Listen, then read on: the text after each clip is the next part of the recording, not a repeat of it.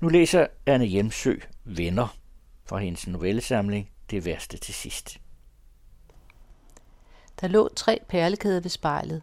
Anne Grete tog den ene op mod sin hals og gav den fuld skrue på, der var en lørdag aften, i Kim Larsens mundre fortolkning.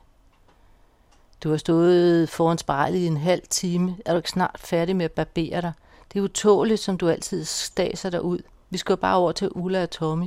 Kunne du ikke slappe lidt af for en gang skyld? Anne-Grethe trådte et par dansetrin baglæns for at betragte sig selv i hel figur. Hun smilede til sit spejlbillede og gjorde en hofnar bevægelse over mod Paul. Han skar ansigt af hende og sagde noget, hun ikke kunne høre for barbermaskinens brummen. Hun samlede uden ord hans våde håndklæde op og hængte det til tørre på badeværelset. På vej mod middagen kørte han bilen hårdt, men hun kommenterede det ikke. Sad bare og bremsede med, hver gang han overhældede groft, og kørte lidt for tæt op mod bilen foran dem. Hun tændte for et musikprogram, men han langede straks ud og slukkede radioen. Hvorfor skal vi spille en lørdag aften hver måned på de mennesker? Jeg foretrækker at sidde i min sofa og hygge mig derhjemme.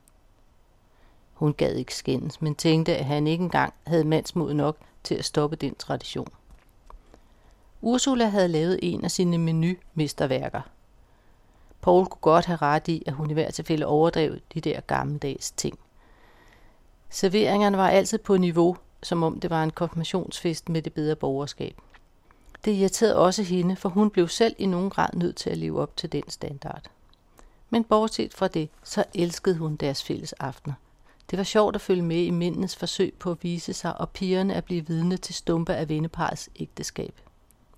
Tommy skænkede flittigt af den selv importerede vin. Anne-Grethe morede sig stille over hans beskrivelser af det italienske klima, druen, vinens særlige tone eller kris.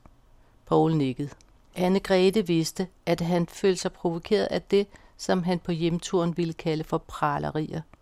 Men irritationen var ikke større, end han tømte det ene glas efter det andet. Når de var hos disse venner, var der ingen diskussion om, hvem der skulle køre hjem. Det gjorde hun altid, uden et ord. Det var hendes lille offer. Hun bad Ursula om opskriften på hendes selleri med indbagt gedeost. Ursula lovede som sædvanligt at male den, og Anne-Grethe ville som sædvanligt slette den, uden at åbne filen. Hvordan går det med Mikkel? spurgte Anne-Grethe. Der indfandt sig en lille tavshed, hvor ægtefælderne skævede til hinanden. Han har det fint. De bor i Amsterdam nu. Nej, det er Rotterdam, korrektede Tommy. Nå, så ser jeg ikke så meget til børnebørnene. Anne-Grethe smilede og tænkte på sine to egne rollinger, som hun hentede to gange om ugen. De havde et meget nært forhold. Paul berettede om en golfmatch, han havde vundet. Tommy spurgte, om det var i A-rækken, skønt alle vidste, at Paul var en B-rækkespiller. Der blev vi storslåede billeder af værtsparets seneste ferie på iPad'en. Desserten var meget sød. Skærene klirrede, dæmpet mod asjetterne. Mændene drak godt til og sad og vrøvlede. Anne-Grethe lyttede vaksomt og udglattede Thomas uheldige bemærkning om et kursusophold, de begge havde deltaget i. Det var et absurd skift, men ingen stoppede hende, da hun gled direkte over til at fortælle om hendes venindes mor, der var kommet på plejehjem. Hun havde besøgt hende for nylig, og den gamle dame var så glad, for hjemmet havde netop anskaffet en elektrisk rickshaw, som hjælpere kunne køre, mens to af de gamle kunne sidde foran. Hun syntes, det havde været en fornøjelig tur, men det var også første gang, hun havde været ude i den friske luft, siden hun var flyttet ind på hjemmet for fire måneder siden. Og bla bla bla, sagde Paul. Nå ja, det er da en lille positiv historie. Ellers er alt, hvad man læser om plejehjem, jo lutter redselshistorie om, sagde Ursula. Tommy skubbede til sin kones albu, så vinen skulpede over glasset. Han råbte. Fatter du ikke pointen, Anne-Grethe? Konen har været spærret inde i et beklumret plejehjem hele vinteren. Det er uanstændigt. Alle andre kan komme ud og få lidt frisk luft, hvis de har lyst. Undskyld, men hvorfor falder visse mennesker i svime over, at en gammel kone får et lille, spektakulært frikvarter for første gang i et halvt år? Kan man virkelig lukke munden på pårørende og andre med en richow? Anne-Grethe smilede til ham. Varmt, men ikke for varmt, og fortalte, at især de demente så gerne ville ud. De blev kaldt for dørsøgende, fordi de prøvede at komme væk fra plejehjemmet. Når man har en hjerneskade, ved man jo ikke, hvorfor man er blevet anbragt, så det er nærmest logisk, at de prøver at finde tilbage til deres eget hjem. Det er frygteligt, men sådan er det jo i vores land. Vi ender alle der. Hvem skulle ellers passe os? Jeg skal aldrig på plejehjem. De tre andre gloede på Tommy, før latteren brød løs, og de erklærede sig enige med ham. Selvfølgelig ikke. Ingen af dem skulle nogensinde på plejehjem. Men hvad nu, hvis vi bliver oldinge og tumler forvirret rundt, grinede Paul. Ah, så vil vores søde kone og dejlige børn naturligvis passe os.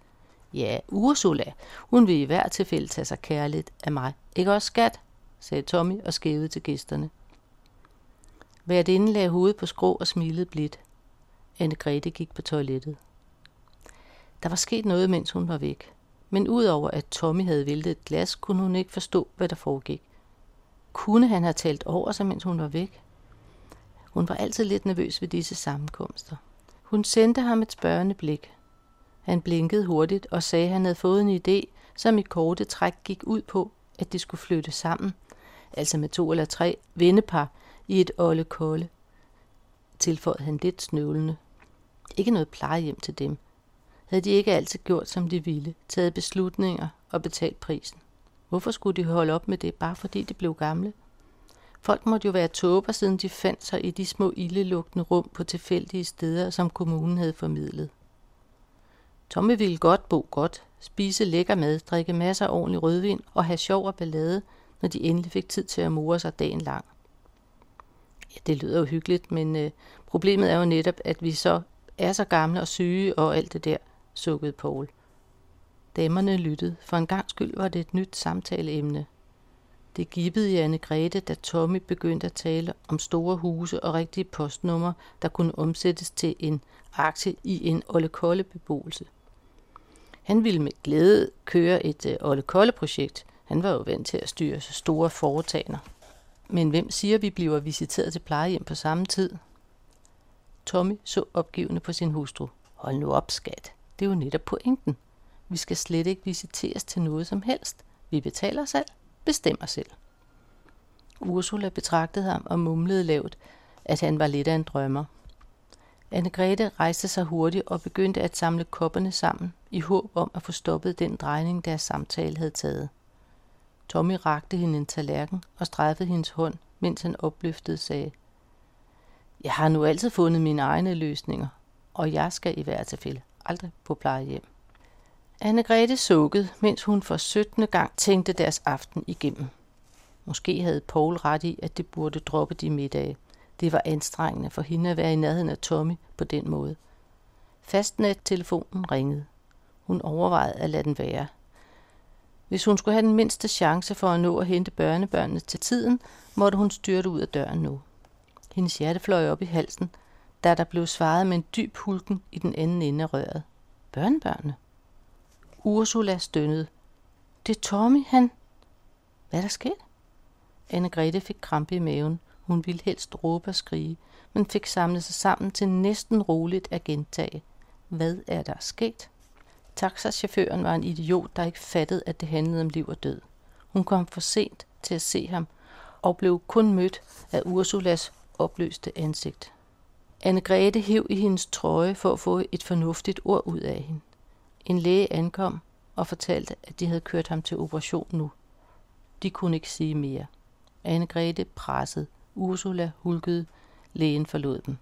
Traumecentret. Det ondeste ord. Ursula blev hysterisk og måtte hjælpes af en sygeplejerske. Anne-Grethe skulle være den stærke, holde hovedet koldt, ringe besked til børnene, hente kaffe, støtte sin veninde. Maridtet ville ingen ende tage. Døgnet på riget, hjem med Ursula. Sønnen, der ankom. Ventetiden. De andre, der vågede over ham på riget, og senere på Odense, da lægerne forsøgte igen.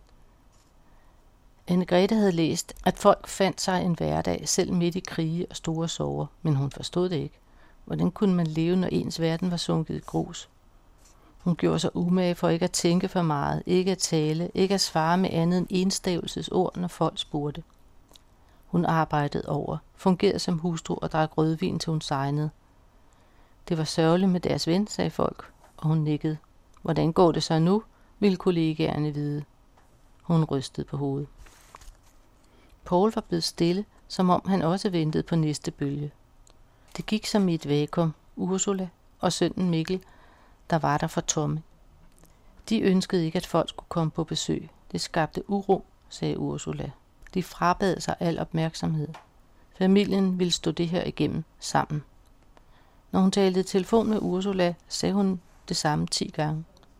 Der havde altid været noget med ny forskning, genoptræning, det private fysioterapeut, som mente, at der var fremskridt at spore. Så en dag ringede Ursula og bad hende om at komme forbi. Det lød som noget, hun havde sagt i gamle dage, men tonen var måske en lidt hård. Mens Anne Grete ventede uden for døren, gik det op for hende, at buketten var alt for voldsom. Hvad havde hun tænkt på? En hver idiot kunne se, at det var en buket til 500 kroner.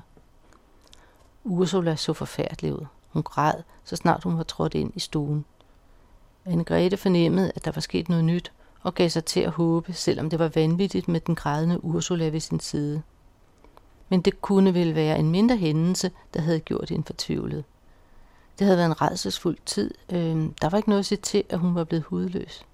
Han er kommet på plejehjem. Efter kaffen faldt Ursula lidt til ro. Med en vrede og bitterhed sivede ud fra alle sprækker. Hun var skuffet over svigerdatteren, mente, at naboerne kunne have hjulpet hende, og var kommet på kant med sin egen søn. Anne Grete sad og tog imod, som om hun var en boksebold. Hun nikkede her og rystede på hovedet der, mens hun forsøgte at samle sine egne tanker. Gid han var død.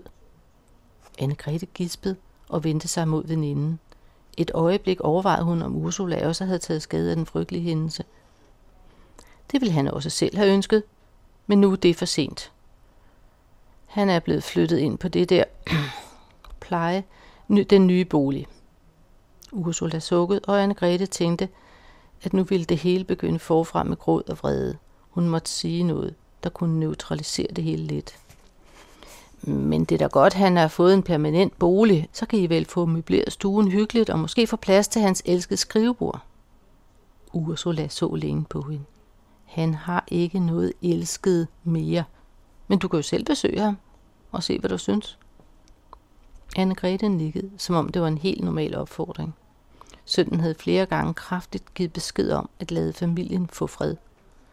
Hun havde længtes efter at besøge ham, trøste ham, se ham med egne øjne, se hvordan han havde det, og om han kunne huske bare lidt af det, de havde haft sammen.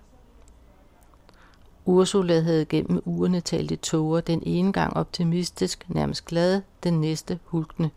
Hendes uventede åbning nu forvirrede hende. Mens hun noterede adressen på plejehjemmet, og Ursula omstændigt forklarede hende vejen, opstod der en blanding af frygt og forventning. Hun stod ved køkkenbordet og drak rødvin af et vandglas. Paul trådte ind i rummet, fokuserede på glasset og hævede sin øjenbryn. Det ser hyggeligt ud.